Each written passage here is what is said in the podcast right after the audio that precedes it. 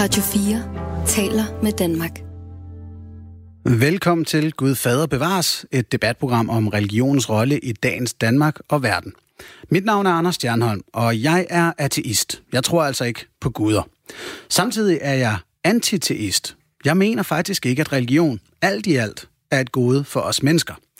Alligevel betaler jeg som skatteborger til religionsstyrkelse i Danmark. Mange religiøse foreninger har økonomiske skattefordele, og folkekirken får penge og en række tjenester af staten. Det er simpelthen en juridisk og økonomisk fordel at tro på guder i vores land. Især den luthersk kristne tro.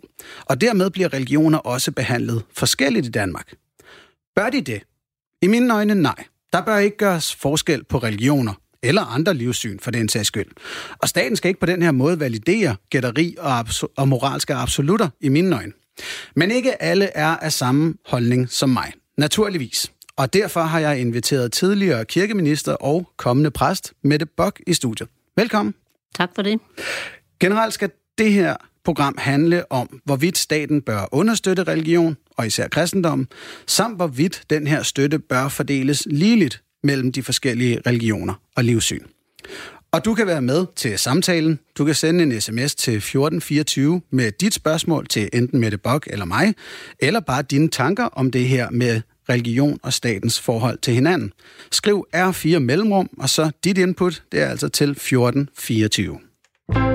Radio 4 taler med Danmark. Men lad os starte med lige at få på plads, hvem du er med det. Du er tidligere folketingsmedlem for Liberal Alliance og har været kultur- og kirkeminister under den forrige regering. I dag der er dit politiske ståsted et privat anlæggende, har du fortalt mig. Øh, men du har jo så stadigvæk nogle holdninger til især det her område omkring øh, religion og, og politik omkring religionen.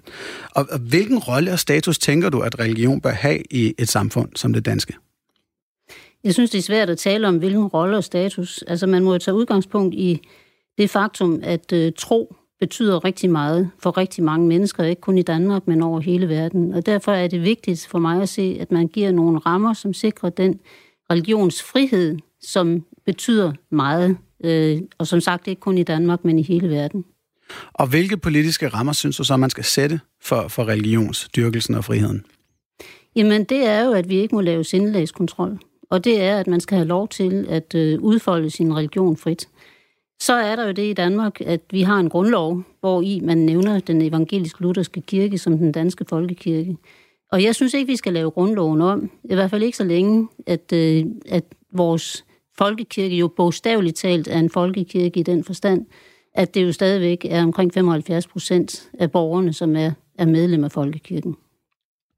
Okay, så du, øhm, nogen vil jo sige, som mig for eksempel, at det bør være fuldstændig lige øh, jeg kan drillende sige, fuldstændig liberalt, det her marked for religion. Hvorfor tænker du, at man i kraft af for eksempel øh, folkekirkens tilslutning osv., kan tillade sig at, at forskelsbehandle?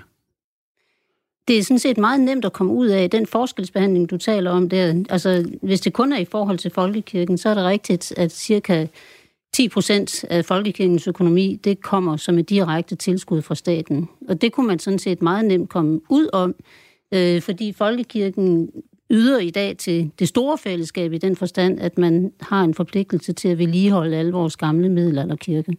Men hvis man lavede en, et bytte, sådan så det var staten, som finansierede vedligeholdelse af kulturarven, og så samtidig sagde, at kirkeskatten skal betale alle folkekirkens aktiviteter, så vil der ikke være noget økonomisk mellemværende imellem staten og folkekirken. Det kan jeg så erklære. Det er ikke et regnstykke, jeg er helt enig i. Og der er nogle vilkår, især omkring sådan noget som kirkeskatteinddrivelse osv., som jeg synes skal med i det. Øh, men det er nogle detaljer, jeg tror, øh, vi er nødt til at lade vente lidt til senere i programmet, og så kigge på det sådan lidt mere øh, øh principielle.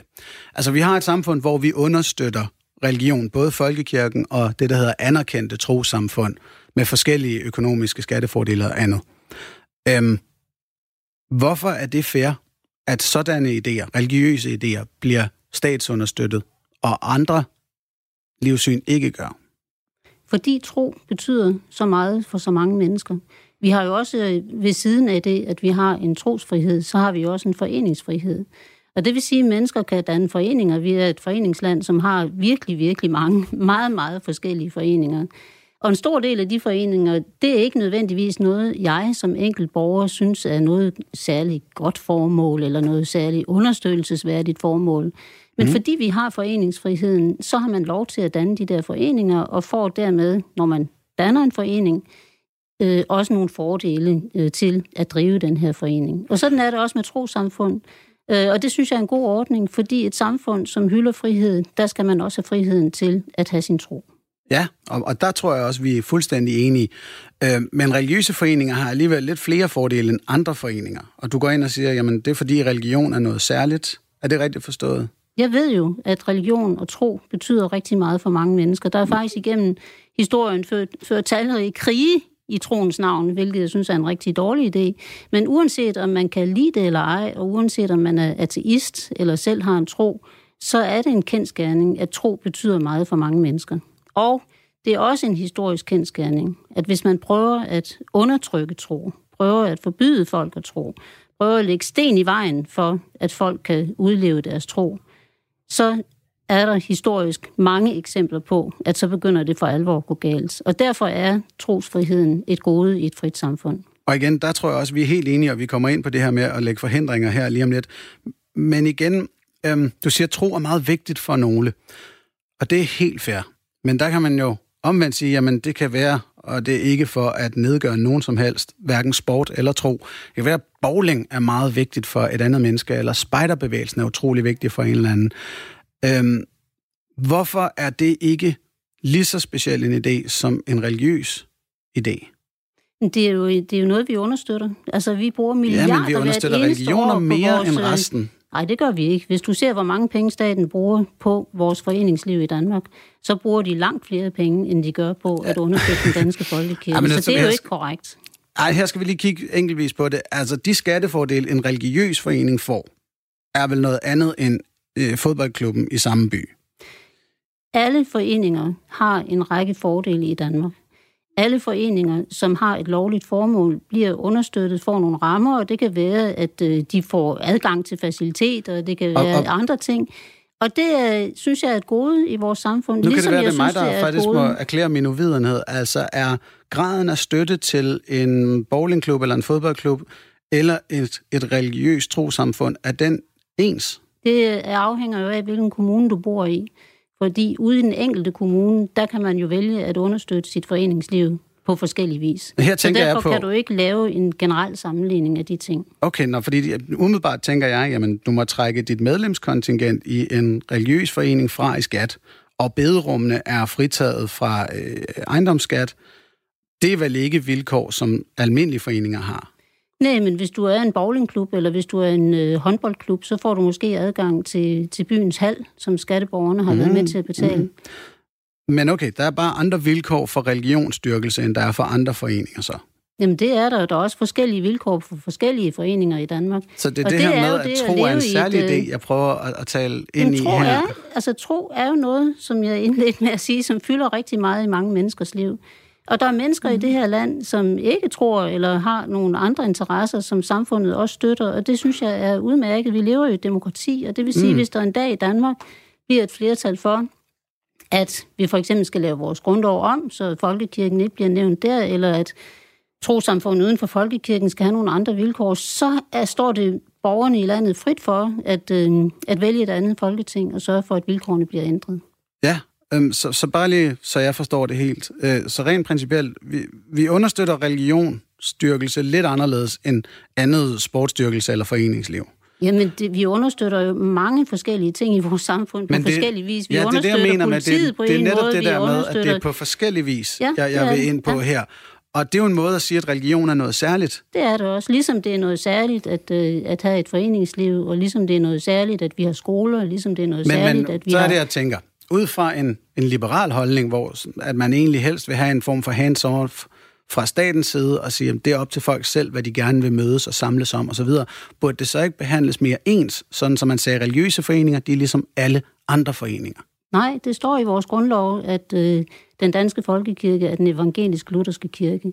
Og så længe der stadigvæk er et massivt flertal af borgerne, som er medlem af den kirke, så er det jo bogstaveligt talt en folkekirke. Og folkekirken og dens tilslutning vil jeg også meget gerne tilbage til, men her tænker jeg sådan set også på alle de andre religiøse foreninger. Altså ja. burde man ikke fra et liberalt synspunkt sige, det der, det bør være ligesom alt andet øh, øh, dyrkelse i ens liv, om det er bowling eller strik eller whatever, det bør behandles ens Nej, det fra statens side af. Nej, det synes jeg ikke. Og hvorfor ikke? Fordi der stadigvæk er 75 procent af borgerne, som er medlem af den danske folkekirke. Fordi øh, det i Danmark igennem århundreder har været sådan, at, øh, at flertallet af borgere er kristne. Og det vil sige, at det har påvirket vores kultur rigtig meget. Øh, så derfor synes jeg, at det er rigtig udmærket, at vi lever i et land, som har religionsfrihed, men ikke religionslighed, så længe det er et massivt flertal af borgerne, som er medlem af Folkekirken. Hvis det en dag er sådan, at det kun er 30 procent af borgerne, som er medlem af Folkekirken, eller under 50 procent bare, så kan vi for min skyld gerne begynde at drøfte, om vi skal lave nogle ændringer i vores grundlov. Det er så rigtig, rigtig besværligt at gøre det, mm. men det er jeg selvfølgelig åben over for at drøfte. Så hvis landet var 75 procent socialdemokratisk, eller 75 procent muslimsk, Altså det er jo sådan, at Socialdemokratiet som parti får massivt mere i statsstøtte end et lille parti som Alternativet, alene af den grund, at de har flere medlemmer i Folketinget. Øh, så det giver jo sig selv. Men får de det ikke ud fra det repræsentative? Jo, men det er også repræsentativt, når jeg siger, at 75 procent af borgerne stadigvæk Godt. er medlem af vores folkekirke. Godt. Så, så det, det passer jo sådan set meget fint. Så det vil sige, altså, vi er begge fuldstændig for religionsfrihed, men religionslighed, der er vi ikke helt enige. Vores folkekirke har en særstilling i Danmark, og det synes jeg er en fin idé. Jeg har ikke noget som helst ønske om, at vi skal ændre vores grundlov, men hvis et flertal i Folketinget og blandt borgerne, fordi så noget skal jo til folkeafstemning, hvis et flertal går ind for det, så respekterer jeg det selvfølgelig fuldstændig, for jeg er demokrat. Yes, fedt. Jamen, jeg arbejder på det flertal der. Det bliver nok først lidt senere. Radio 4 taler med Danmark.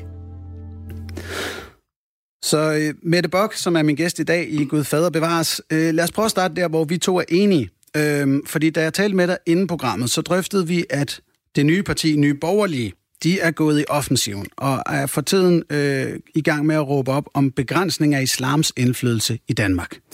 De ønsker at fjerne de muslimske trosamfunds statsanerkendelse, og dermed bemyndigelse til at vige folk juridisk gyldigt for eksempel, og, og endnu vigtigere faktisk deres skattefordel. Øh, desuden er der en række andre begrænsninger omkring bønnekald og så videre, de, de ønsker indført fra Nye Borgerlige side af. Hvorfor mener du, at deres tilgang her er forfejlet? Fordi man kan sige den måde, vi lavede jo, mens jeg var kirkeminister, en ny lovgivning om alle trosamfundet uden for folkekirken.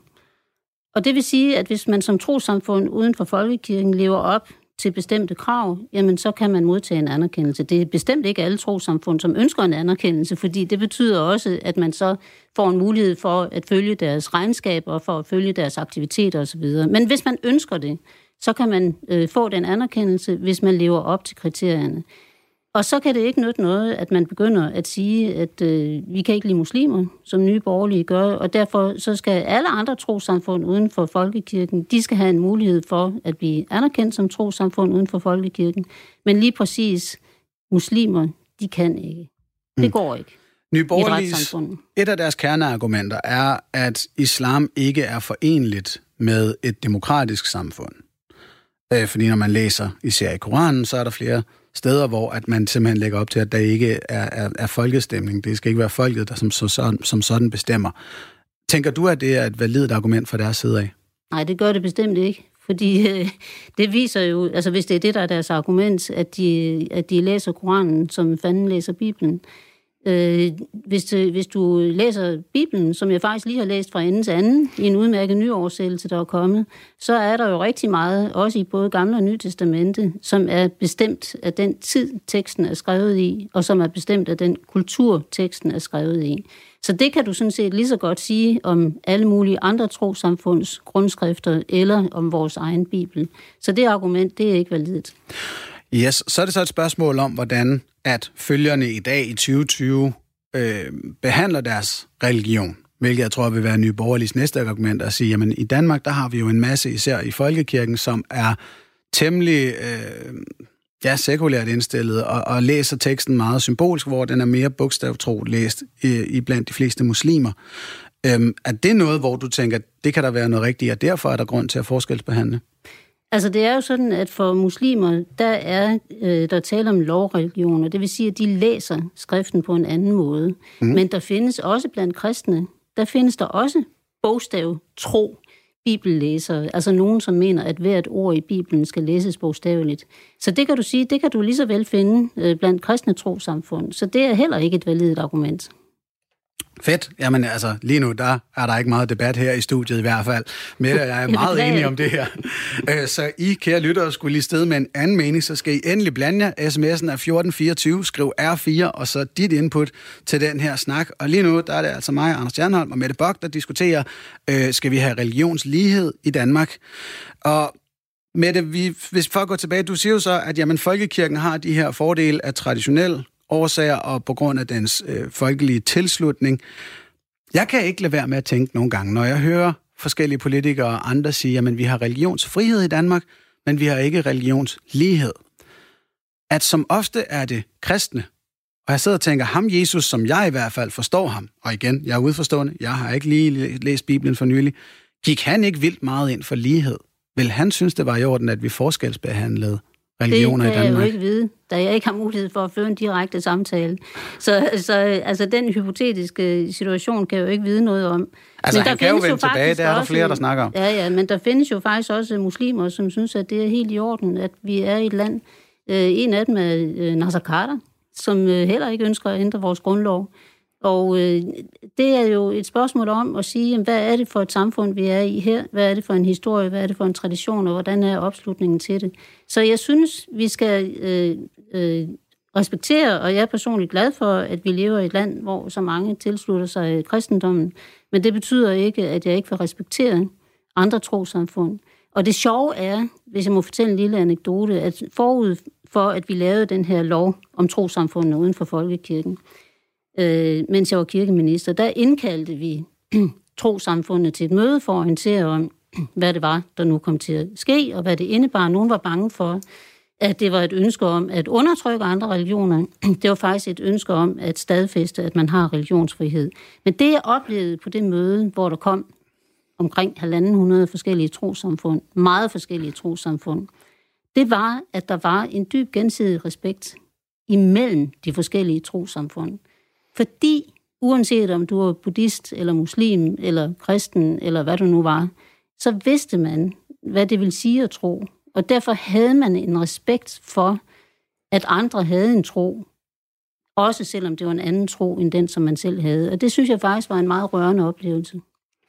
Yes, jamen, og der tror jeg også, vi er fuldstændig enige, at man kan sagtens acceptere alle de forskellige stillingstagen til, hvordan det her liv og eksistens hænger sammen.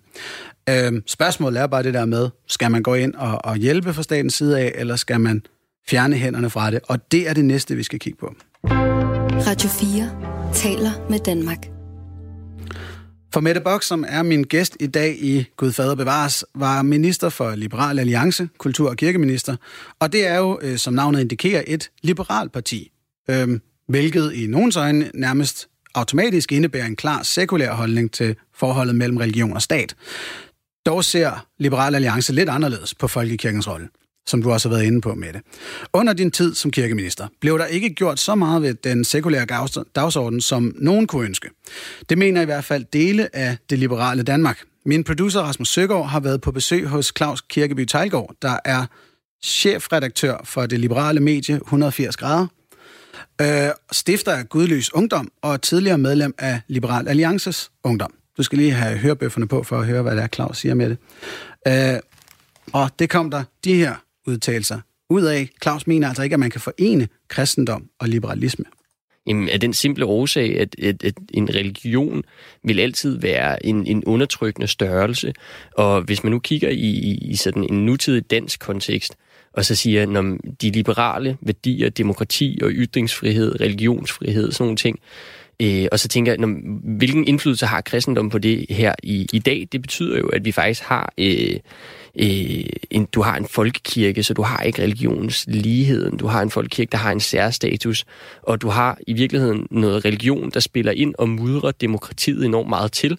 Og når du så skal snakke religionsfrihed, der er mange debatter om islam, og skal man kunne udøve sin muslimske tro på samme måde, som man kan udøve sin kristne, øh, der bliver det sådan en religionskamp og det øjeblik, du blander religion ind i snakken om liberale værdier, så kommer det mere til at handle om, at den ene religion skal vinde over den anden, end det kommer til at handle om at sikre de liberale værdier for alle mennesker, uanset hvilken religion de har.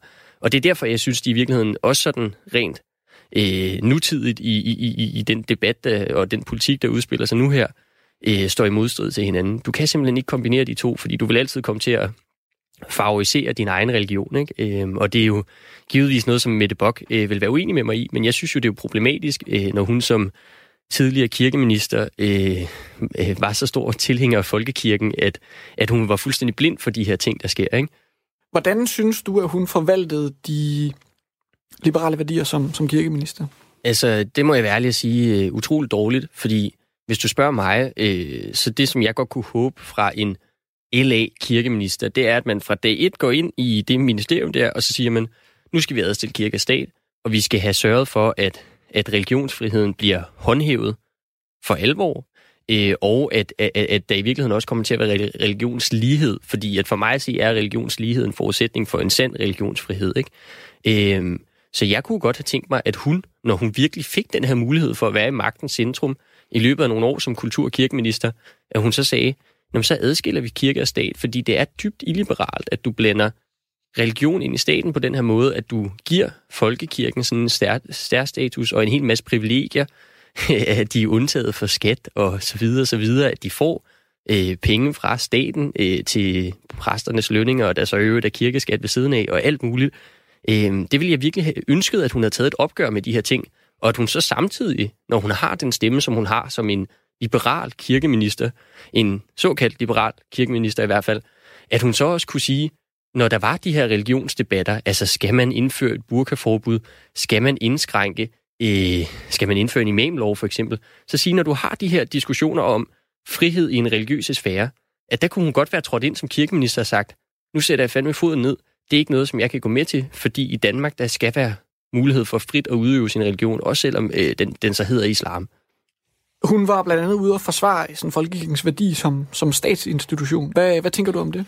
Jamen, det er jo helt hul i hovedet som en øh, LA-minister. Altså, hvis du nu er fra konservativ, så, har du en, så er det en helt naturlig forventning, at du går ind for folkekirken som en samfundsbærende institution.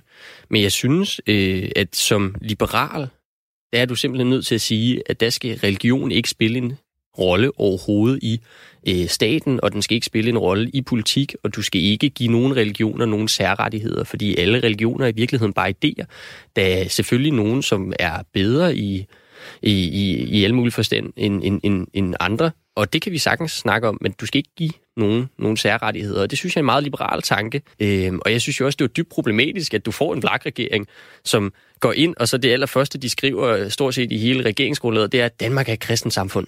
Og at Mette Bock øh, for eksempel går ud og siger, at folkekirken skal have en særstilling, og nu er hun jo selv på vej ind i folkekirken. Øh, og det synes, jeg, det synes jeg er ærgerligt, fordi at det, ikke, det er ikke noget, der lugter særlig liberalt. Altså man kan sagtens snakke om, hvis man nu var fra konservative, måske endda fra venstre, så ville det være et naturligt standpunkt. Men Liberal Alliance øh, skal jo være den her rene liberale stemme. Og der skal man altså også være det, selvom det kan betyde, at man skal gå op imod nogle, nogle kulturinstitutioner. Der må du simpelthen sige, der vejer principperne øh, højere, synes jeg. Og det sagde altså Claus, Klaas, undskyld, nu skal jeg lige rette mig selv, Klaas Kirkeby Tejlgaard, chefredaktør på det liberale medie 180 grader, stifter af Gudlys Ungdom og tidligere medlem af Liberal Alliances Ungdom. Og som unge jo gerne har for vane, så er Klaas meget idealistisk og taler om, at ja, han anklager dig for, Mette Bock, at være dybt illiberal, og at man burde have en renere liberal linje. Hvad har du at sige til sådan en, en anklage? Det kan jeg da sagtens leve med. Altså, han må gerne være illiberal, eller, eller tåbe, eller tumpe, men, eller men, hvad det er. Det må han fuldstændig selv om. Men øh, jeg må sige, at når han siger, at religion er per definition altid undertrykkende, så må jeg bare sige, at jeg føler mig ikke undertrykt, og jeg synes heller ikke, at, øh, at hverken jeg eller andre er med til at undertrykke andre. Men det er jo et standpunkt, man har lov til at have, og det skal også have en plads i, i vores øh, samfundsdebat. Jeg er bare ikke enig.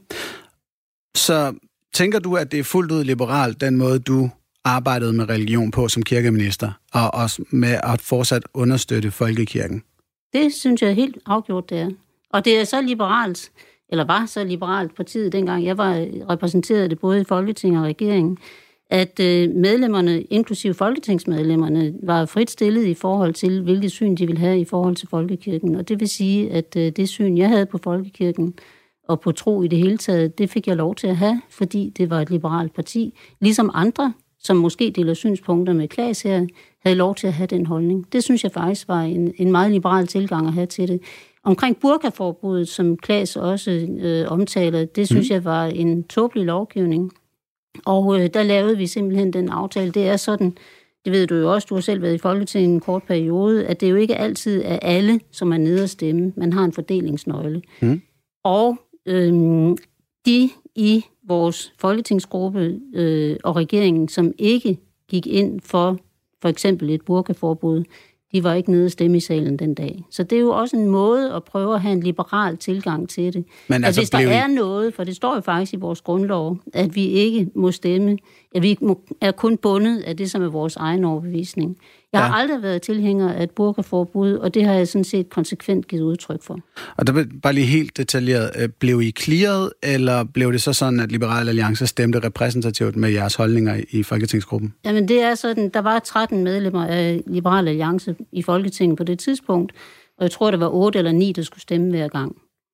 Mm. Øh, og det vil sige, at hvis der var nogen, det meste var vi jo sådan nogenlunde enige om, men hvis der var, og sådan er det i alle partier, at der var noget, man ikke er enige om, jamen så var der en mulighed for, at vi ikke skulle ned og stemme, hvis det var noget, som vi var meget stærke Men her tænker jeg, altså hvis, hvis I så sender de ni, som er for burka-forbuddet, så kommer din stemme jo dermed til slet ikke at tælle med. Altså de, de ni ja, ja. repræsenterer så 13. Jamen sådan men, er det i alle partier. Nå, men altså, her det, tænker jeg, I kunne jo sende ni, der var repræsentative for den splittelse, der var i jeres gruppe. Ja, men det fungerer sådan, vores folkestyre, at hvis du er medlem af en regering, så har man en regeringsholdning til nogle forskellige ting. Vi var en trepartiregering, og det er jo ingen hemmelighed, at de tre partier var ikke enige om alting. Og så kan man have mm. den, kan man sige, glorificerede tilgang, at hvis ikke man kan få 100% af sin egen politik igennem hele tiden, så vil man ikke gå i regering. Liberal Alliance havde på det tidspunkt en anden holdning, nemlig at vi var ret overbevist om, at vi fik mere af vores politik igennem ved at sidde i regeringen, end at være udenfor. Og det mener jeg stadigvæk, at det yes. er den rigtige holdning. Det er en klassisk afvejning. Det er så helt konkret spørger til jer. Det er så, at der skal stemmes om noget nede i salen. Du har holdninger, du faktisk har lyst til at trykke på den røde knap, nej til det her lovforslag, men du bliver clearet, så du ikke skal stemme dernede, og i stedet for sender I så folk, der hovedsageligt trykker på den grønne knap. Altså, jeg altså, det er jo været lidt en... det samme som at sige, at så din personlige holdning kommer ikke til udtryk i den afstemning. Jamen, sådan er det. Sådan fungerer Folketinget. Jamen, det er altså, på, jeg, men, jeg men nu siger du, at jeg var der også. Det. Jamen, her tænker jeg med det. Her tænker jeg, at ud af de 10 medlemmer, vi for eksempel var Alternativets folketingsgruppe, der var der, hvis vi var splittet i en holdning, og nogen blev clearet, og man så sender ned, lad os sige, at vi var 50-50 splittet, 5 og 5, og vi sender seks mand ned og stemme i salen, så vil vi sende tre med hver sin holdning. Ikke sende de fem, der havde den ene holdning, der passede til ja, vores samarbejde med nogen. Men der er bare en forskel på at sidde i Folketinget som et folketingsmedlem, og så være en del af en regering. Og den måde, jeg håndterede den konflikt på, og der er mange etiske dilemmaer ved at sidde i Folketinget, det er der også ved at sidde i regeringen, det var, at jeg ikke på noget tidspunkt stemte for noget, som jeg synes var stred imod noget, som virkelig havde meget... Der, der var rigtig mange, mange afstemninger, noget betyder mere end andet, også for en personligt. Og jeg har ikke stemt for noget, som jeg personligt ikke kunne gå ind for, men jeg vedkender mig mit ansvar som medlem af regeringen. Selvfølgelig gør jeg det. Det løber jeg ikke fra. Godt, og nu får jeg også at vide, at den her detalje, den er vi nødt til at lukke for, så vi kan komme videre til noget mere generelt. Radio 4 taler med Danmark. For lad os kigge lidt på, på folkekirkens særstatus i Danmark. Du var inde på den i indledningen, så længe tilslutningen er så stor, som den er, så, og historien er, som den er, så har du intet imod, selv som liberal menneske, at den har en særstatus. Uh, vi har fået en sms på 1424, hvor I lyttere jo kan blande jer. Uh, der er en lytter, der spørger, er Mette for, at man måler folkekirkens tilslutning baseret på personlig indmeldelse frem for indmeldelse via barnedåb? Altså, jeg skal høre forslaget som at, at personlig indmeldelse, når man først er voksen og myndig, i stedet for en indmeldelse via barnedåb. Nej, jeg synes, det er fint, man bliver meldt ind i trosamfundet via barnedåben. Altså, det er sådan set... Det, altså, barnedåben er et sakramente i kristendommen, og det vil sige, når du bliver døbt, jamen, så er du kristen. Øh, og det er så indgangen til, at du bliver medlem af Folkekirken. Det, jeg synes, det vil være meget mærkeligt, at du bliver døbt, og så er du ikke medlem øh, af, den, af det kirkesamfund, som du bliver døbt ind i. Ja, når jeg, når jeg så ligesom tænker, når jeg ser på, på udmeldelsesstatistikkerne, som jo er sådan noget, jeg gerne følger meget, så kan man tydeligt se, at det er fra 18 til 30 år, at danskerne melder sig ud af folkekirken. Det, det er der. helt naturligt. Ja, og, men siger det ikke noget om, at barnedåben dermed ikke er... Altså, at der er mange, der bliver døbt, uden de faktisk har lyst til det, når de så som 18-årige siger nej tak? Det er, jo, altså, det er jo den frihed, man har, når man bliver myndig. Altså mange børn bliver sendt til fodbold, uden at de nødvendigvis selv har lyst til at gå til fodbold. Børn kan blive sat i en skole, som egentlig ikke er god for dem, men deres forældre synes det. Altså så længe du er under 18 år, så er det din forældres ansvar. Og det synes jeg er sådan, som det skal være. Alright. Det mest sådan ulighedsskabende privilegie, folkekirken har i Danmark, i mine øjne, er kirkeskatten. Øh, og det at vil sige, det er ikke nogen af alle de penge, de får på finansloven, men det at øh, det er staten, der indsamler kirkens medlemskontingenter via skat. Det betyder jo dermed også, at en række medlemmer af kirken faktisk aldrig overvejer deres medlemskab, da betalingen kører automatisk, og ikke ligesom andre foreningskontingenter overvejer det, når de ser regningen. Synes du, at det er helt fair, at staten på den her måde favoriserer folkekirken? Altså enhver, som læser sin skatteopgørelse, kan jo se, hvad man betaler i kirkeskat. Og enhver, som synes, at det er for meget, har en mulighed for at melde sig ud lige med det samme.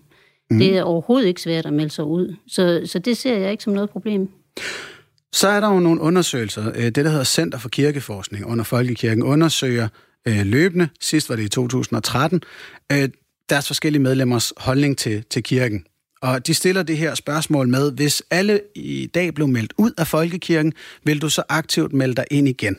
Og det er en måde ligesom at forberede sig på, at Folketinget måske en dag fjerner kirkeskatten, hvilket kan gøres uden overhovedet at pille ved grundloven, øhm, og kirken så er nødt til at sende regninger ud i januar. I stedet for at det kører over skatten, så kommer der en regning i januar, hvor der står tak for dit medlemskab, det bliver lige x antal kroner. Øhm, til det spørgsmål, vil du aktivt melde dig ind igen? Der svarer 29 procent af voksne myndige folkekirkemedlemmer nej. Tænker du så, at det er nemt nok at melde sig ud af folkekirken? Det er det absolut, og jeg vil da sige, at hvis de 29 procent øh, ikke ønsker at være medlem af folkekirken, så synes jeg, de skal melde sig ud. Altså lige med det samme. Øh, ja. og de har en mulighed for det. Det er meget nemt at melde sig ud. Vi er så, overraskende øh, enige, du jamen, altså, det, altså det, det er jo det eneste, man kan sige til det. Du har friheden til at melde dig ud af folkekirken den dag, du bliver myndig. Og hvis det er meget vigtigt for en, eller bare lidt vigtigt, så synes jeg, at man skal gøre det. Jeg synes da ikke, at der er nogen, der skal være medlem af Folkekirken, hvis ikke man har lyst til at være medlem af Folkekirken. Men det, jeg tror, man skal tænke på her, det er, at Folkekirken ganske vist er et trosamfund, men Folkekirken er jo også en kulturinstitution. Folkekirken er faktisk Danmarks største koncertarrangør. Folkekirken laver foredrag. Ja, det er fordi, de har rigtig mange penge. Folkekirken, ja, fordi 90 procent af folkekirkens aktiviteter bliver jo finansieret via den kirkeskat, som medlemmerne betaler, ja. som du ikke betaler, fordi du ikke er medlem. Damn og så er man ovenikøbet så generøs, så hvis du har lyst til at gå til en kirkekoncert, eller hvis du har lyst til at gå til et foredrag i en sovnegård, så bliver dit medlemskab ikke tjekket ved indgangen. Du er velkommen alligevel. Ja, og lad os, ved du hvad, lad os tage et par sms'er, inden jeg lige vender tilbage til den der. Øh, det er ret dejligt at se aktiviteten derinde. Der er en sms fra David, der skriver, Jesus blev døbt, og de første kristne, alle først som voksne. Ja, meget god pointe. Så er der en fyr, der skriver, som en god statsradioartist går Stjernholm naturligvis ind for burka, det vil sige kvindeundertrykkelse. Øh, det er bare lodret forkert, men jeg går ind for trosfrihed. Og så er der øh, Lars Madsen, der skriver, er det rimeligt, at jeg sidder i min kirke og har betalt for den stol, jeg sidder på, hvor min nabostol er givet væk til en, der ikke har betalt kirkeskat? Det er ikke ok. Lad os få et kirkekort, skriver Lars Madsen. Hvad tænker du om Lars' idé? Ja, det er jo i hvert fald ikke særlig gæstfrit. Øh, det er det ikke. Jeg synes, det er rigtig fint, at enhver kan komme ind øh, i folkekirken, deltage i en gudstjeneste, eller et foredrag, eller en koncert, uden at man skal have tjekket sit medlemskab. Det er faktisk en gæstfrihed og en generositet, som jeg synes er et vigtigt kendetegn for vores folkekirke. Godt. Så det er jeg uenig i. Og I, kære lytter, I skal bare blive ved med at sprøjte sms'er ind til os på 1424. Øh, Skriv R4 og et mellemrum, og så dit input eller dit spørgsmål til enten tidligere kirkeminister Mette Bock eller mig, Anders Stjernholm. Og vi var stadigvæk omkring det her med kirkeskatten at folkekirkens medlemskaber øh, deres kontingenter, det kører fuldstændig automatisk over skatten. Og det betyder jo så, at der er de her førnævnte 29 procent af medlemmerne, der faktisk vil melde sig ud, hvis det var fordi, der kom en regning ind ad døren, så vil de krølle den sammen og ikke betale den. Øh, I stedet for nu, så får de ikke meldt sig ud. Øhm, og du siger, det er nemt nok, men det synes de her 29 procent så måske ikke, og det var blandt andet derfor, jeg lavede øh, udmeldelse DK i min tid i, i øh, artistisk selskab. Altså, hvad synes du om de 29 procent, der så har den her måske lidt hykleriske position, at de er medlem af en forening, de faktisk ikke ønsker at være i? Mm, der lever vi jo heldigvis i et frit samfund, og hvis de synes, at, øh, at øh, de har lyst til at melde sig ud, så må de melde sig ud, og hvis ikke de synes, at de øh, kan tage sig sammen til det, så må de lade være med det. Altså det vil jeg da ikke blande mig i. Altså det må, de, det må man selv finde ud af som mennesker, om man har lyst eller man ikke har lyst.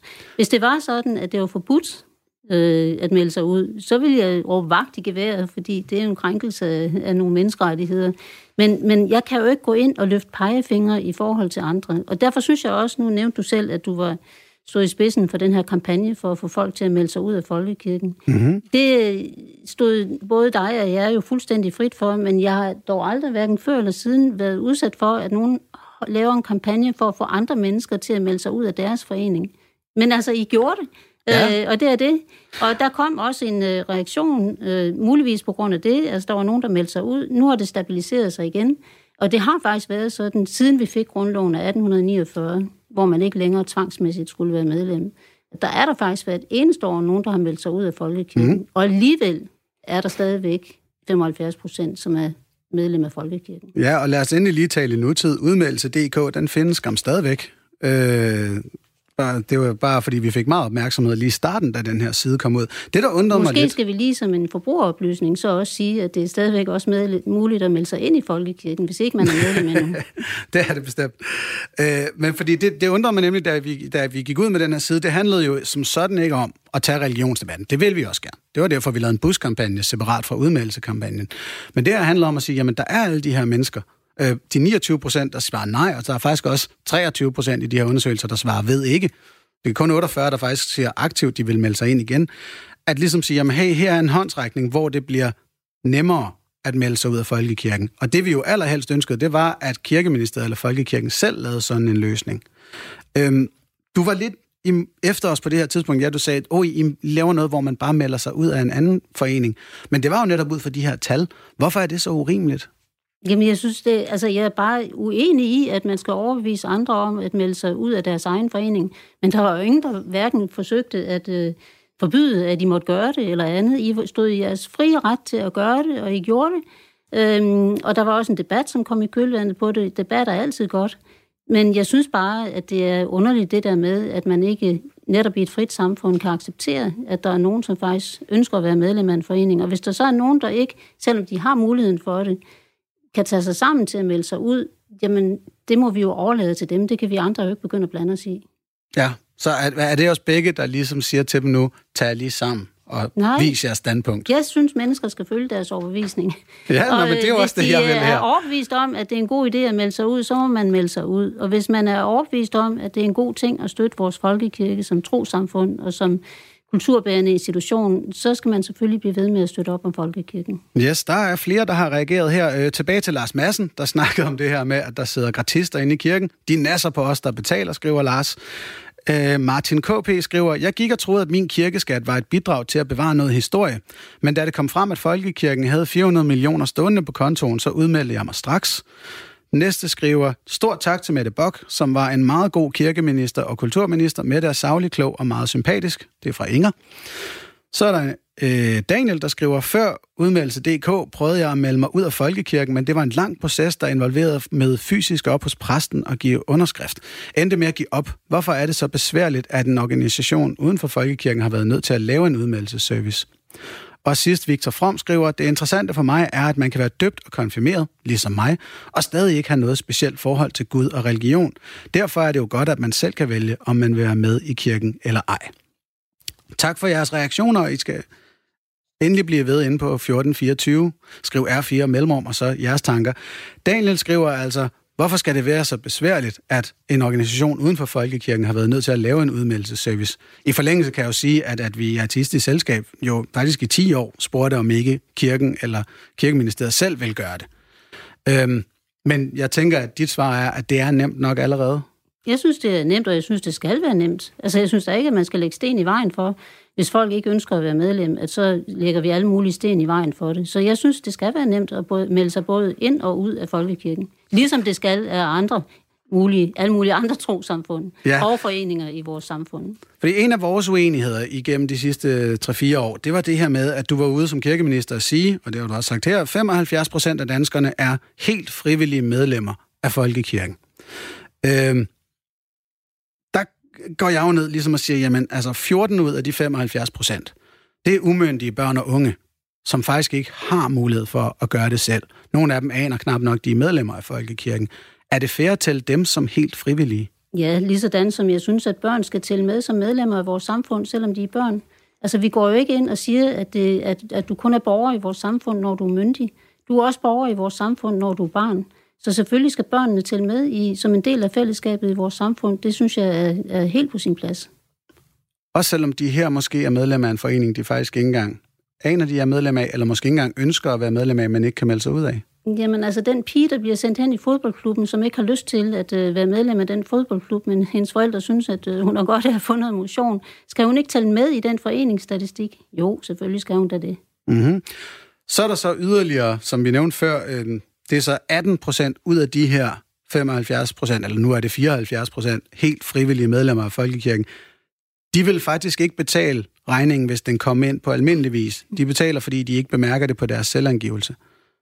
Tæller det som helt frivilligt i din bog? Ja, det gør det da, fordi de kan gå hen i morgen eller i- senere i dag og melde sig ud. Så selvfølgelig gør det da det. Altså, hvis de ikke havde friheden til at melde sig ud, så er det klart, at så ville vi stå i en helt anden problematisk situation. Men det har de faktisk friheden til.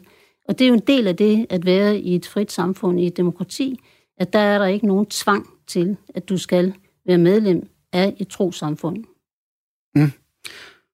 Ja, det her frivillighedsbegreb, det er den, der, der er afgørende mellem os to, kan jeg mærke. Altså, fordi jeg er nede på, hvis man trækker de her børn og de her ufrivillige medlemmer fra, så er vi på 43 procent af danskerne, men så der skal du jo også tilslutter og sig. sige, vores foreningsliv, som jo har rigtig, rigtig mange medlemmer, skal du så også gå ud og udgrænse børnene, som er medlemmer af Nej, foreninger? nej, egentlig, min tanke vil være, og det her det er jo et forslag, jeg faktisk har stillet før. Hvad med, at vi droppede kirkeskatten og sagde til Folkekirken, at den måtte indsamle sine medlemskontingenter, ligesom alle andre foreninger, og religiøse foreninger for den skyld, de var nødt til at sende en regning ud i januar.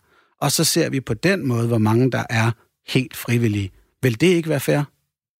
Det synes jeg ikke. Det er et velfungerende system. Og det, som jeg har... Nu prøver jeg lige også at stille dig et spørgsmål. Hvorfor er det så utrolig vigtigt for dig, at folk, som jo ikke generer dig... Altså, jeg, jeg, jeg gør i hvert fald, hvad jeg kan for ikke at genere dig som ateist, eller genere andre ateister. Ja. Hvorfor er det så vigtigt, at mennesker, for hvem tro faktisk betyder noget, at, øh, at de skal vende ryggen til deres tro? Tusind tak for det Ja. spørgsmål.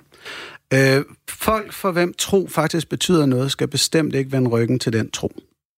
Øh, de skal endelig blive ved med at tro, som det nytter for dem, og være med i deres respektive trosamfund.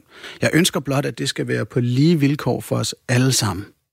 Folk, der er medlem af et trosamfund, de faktisk ikke har lyst til at være medlem af, og som bliver brugt i en politisk kontekst, når der bliver sagt, 75 procent af os er medlem af den kristne folkekirke. Danmark er et kristent land.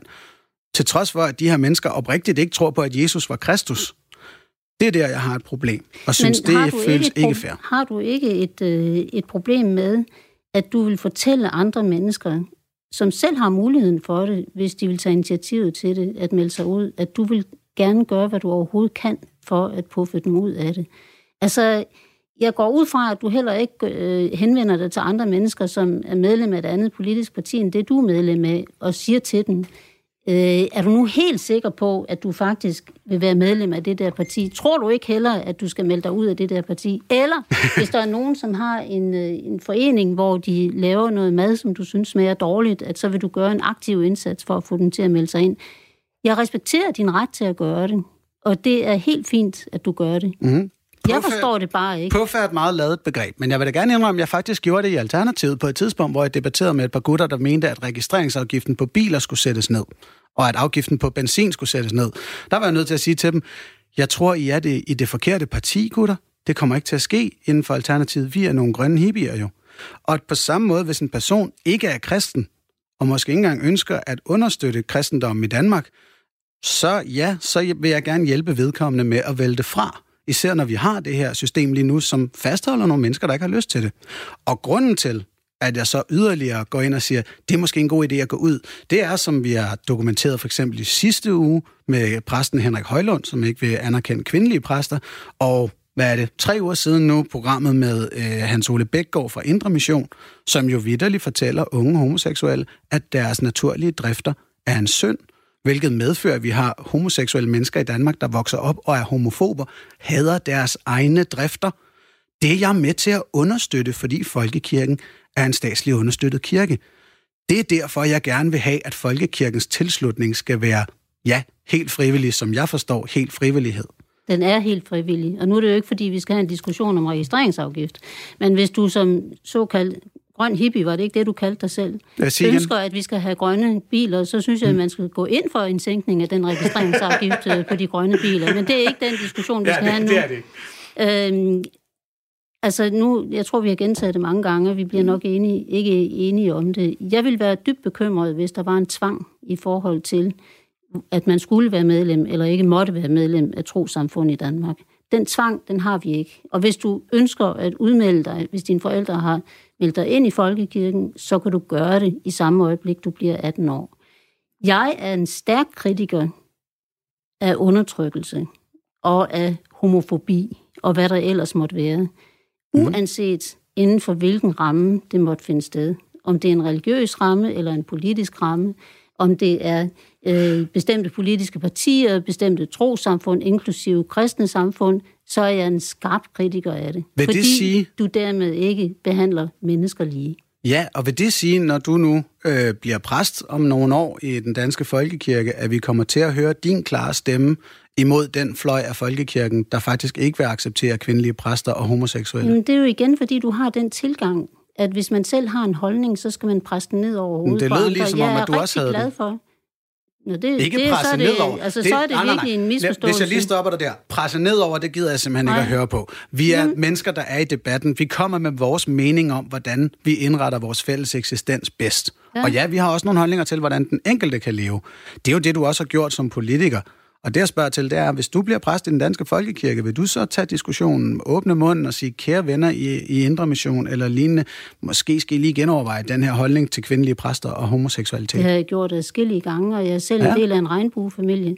Øh, men den frihedsventil, du kan sige, der ligger i, at man siger, altså det her med hvilelse af homoseksuelle, det var en henvendelse, man fik i Folketinget for efterhånden mange år siden, hvor der var præster, som bad om at få myndighed til, juridisk myndighed til, at vi, også mennesker af samme køn.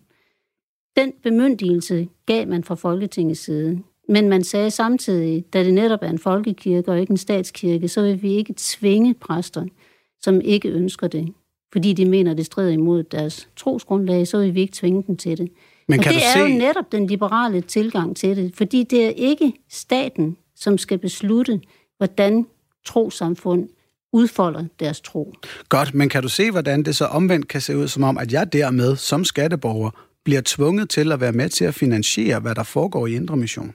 Og jeg er med til at finansiere dermed misogyni og undertrykkelse af homoseksuelle. Altså, jeg har den klare holdning til økonomien, at jeg synes, at kirkeskatten skal finansiere folkekirkens aktiviteter. Det tror jeg, jeg har sagt mange gange efterhånden. De finansierer i dag cirka 90 procent af folkekirkens aktiviteter. Mm. Så er der 40 procent af præstelønningerne og nogle pensioner, som bliver finansieret via den helt almindelige skat. Og det er derfor, jeg foreslår, at man laver det mageskifte. I dag betaler Folkekirken for bevarelse af vores kulturarv. Det synes jeg skal være en statsopgave. Omvendt, så synes jeg, at kirkeskatten skal betale for folkekirkens aktiviteter. Og så har du i hvert fald ikke den økonomiske irritation. Og den reform, ja. den tror jeg kommer på et tidspunkt, og jeg synes, det vil være en god reform, øh, fordi det er jo en anstødsten for nogen, som enten ikke er medlem af Folkekirken, eller er ateister, eller noget andet, at de skal betale til noget, som de ikke selv tror på. Men omvendt så vil jeg sige, at de mange, mange penge, jeg igennem årene har betalt i skat, der vil jeg da sige, at øh, der er en del af det, som jeg måske ikke synes, jeg, hvis jeg selv havde skulle bestemme, ville betale til, men jeg gør mm. det, fordi sådan er det at være borger i et demokrati. Lad os øh, prøve at lukke ned for os to her, og så lige give sms'erne øh, en, en, øh, en mulighed for at komme ud. Øh, vi har fået et par stykker her. Vores moderne civilisation bygger på kristendom og dens læresætninger. Det skal vi være os bevidst. Kristendom er kulturbærende i den forstand, at vores humane kultur bygger på den. Uden kristendom ikke noget humant og moderne samfund. Ja, den fortryder jeg næsten, at jeg læste op, fordi den inviterer til en kæmpe lang debat. Nu er du jo en uhildet journalist, ikke? Ja, ja, ja, men nu får den, ja, den får lov til at stå, og jeg kan sige, at jeg håber på, at vi laver et program om netop kristne værdier. Øh, forhåbentlig bliver det med Bertel Hårder eller Marie Kraup. Så skriver Victor frem, Egentlig interessant, at vi som moderne videnskabeligt baseret samfund stadig understøtter kirken. Man kunne i det mindste gøre, som verden foreslår, at man aktivt skal tilvælge kirken, ikke fravælge den. Og Martin K.P. skriver også, hvorfor er det så vigtigt for samfundet, at ikke troende skal op til præsten og få godkendt sit nyfødte barns navn? Det er en af de to ting, vi har diskuteret med. Der kan jeg lynhurtigt sige, Martin, at det foregår digitalt i dag, og det er så der, hvor at det mener med det, at fordi det foregår digitalt, så er det ikke slemt længere. Jeg er sådan lidt mere principiel, men nu er programmet også ved at gå på held, så det kan vi heller ikke lige nå at dykke ned i. Øh, og endelig kommer der en længere sag her. Øh, jeg er ikke troende og har været det i 40 år. Jeg har et par gange overvejet, om jeg skulle melde mig ud af folkekirken, men har ikke fundet det nødvendigt. Vi har brug for vores kirker til at blive døbt, gift og begravet i. Kirken er et gammelt hus, og vores kultur og civilisation bygger på kristendom, og det bør vi mindes om via kirken og vores medlemskab. Meget smukt. Yes, jeg tænker, det var øh, repræsentativt for begge sider, nogle af de her sms'er.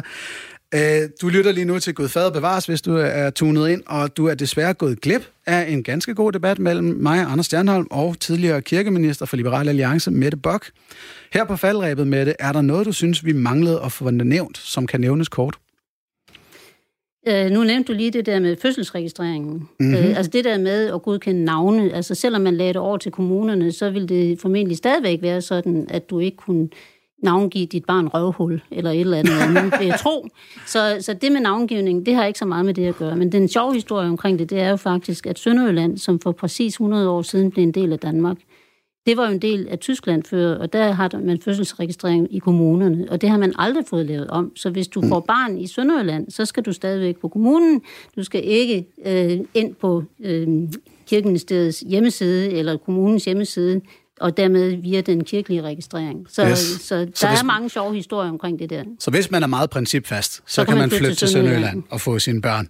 Uh, så er der lige tid til et par sms'er mere faktisk. Uh, Mads skriver, Tja, jeg slår nok rekorden for sløvhed her. Jeg tager mig sammen og får den udmeldelse lavet i dag. Jeg tror også, jeg har kørt fast i byråkrati. Og så spørger Erik, hvad tænker Mette Bock om den franske model, hvor man adskiller kirke og stat, og derigennem forbyder for eksempel små piger i skolerne at blive påduttet religiøst islamisk tørklæde hjemmefra? Altså, jeg går ikke ind for et tørklædeforbud. Jeg går ind for, at man selvfølgelig skal kunne se, hvem folk er. Og det vil sige, at øh, hvis du bærer burka øh, i en bus, og man ikke kan se, om det faktisk er, dig, der betaler eller ej, så har vi et problem. Men øh, tørklædeforbud, det afler kun et modtryk. Så øh, jeg synes, det er forfærdeligt, at man ikke klæder små piger tørklæder, men et øh, tørklædeforbud, det går jeg ikke ind for. Ja, men der er flere nedslag i den her samtale med det, hvor vi jo har været rørende enige. Det, man må sige, vi har været svært uenige om, og det har vi været, ja, altid, det er det her med frivillighed og, og folkekirkens øh, medlemskaber, hvordan det egentlig skal fungere. Og der, ja, der er vi så trods alt enige om, at dem, der ikke har lyst til at være det, de skal tage sig sammen. Nej, det siger jeg ikke. Nå, det må nej, de det helt rigtigt. selv om. Det, er rigtigt, ja. det må de fuldstændig selv om. ja, men det må I fuldstændig selv om. Men ligesom dogne Mads, så skal jeg være velkomne til at gøre noget ved det, vil jeg så sige. Og nu fik du lov til at reklamere for, at man kan jo melde sig ind i Folkekirken, mm. hvis man lige nu står og tænker, at jeg er en baryler at høre på, og at den her øh, kristendom skal støttes. Man kan også gå ind på udmeldelse.dk, hvis man mener det modsatte. Og så øh, er der en sidste sms fra Tina Torup, som skriver, jeg synes grundlæggende, at tvangsindlæggelse i et trosamfund er dybt forkasteligt. forkasteligt. Indmeldelse bør være et aktivt tilvalg, når man bliver myndig.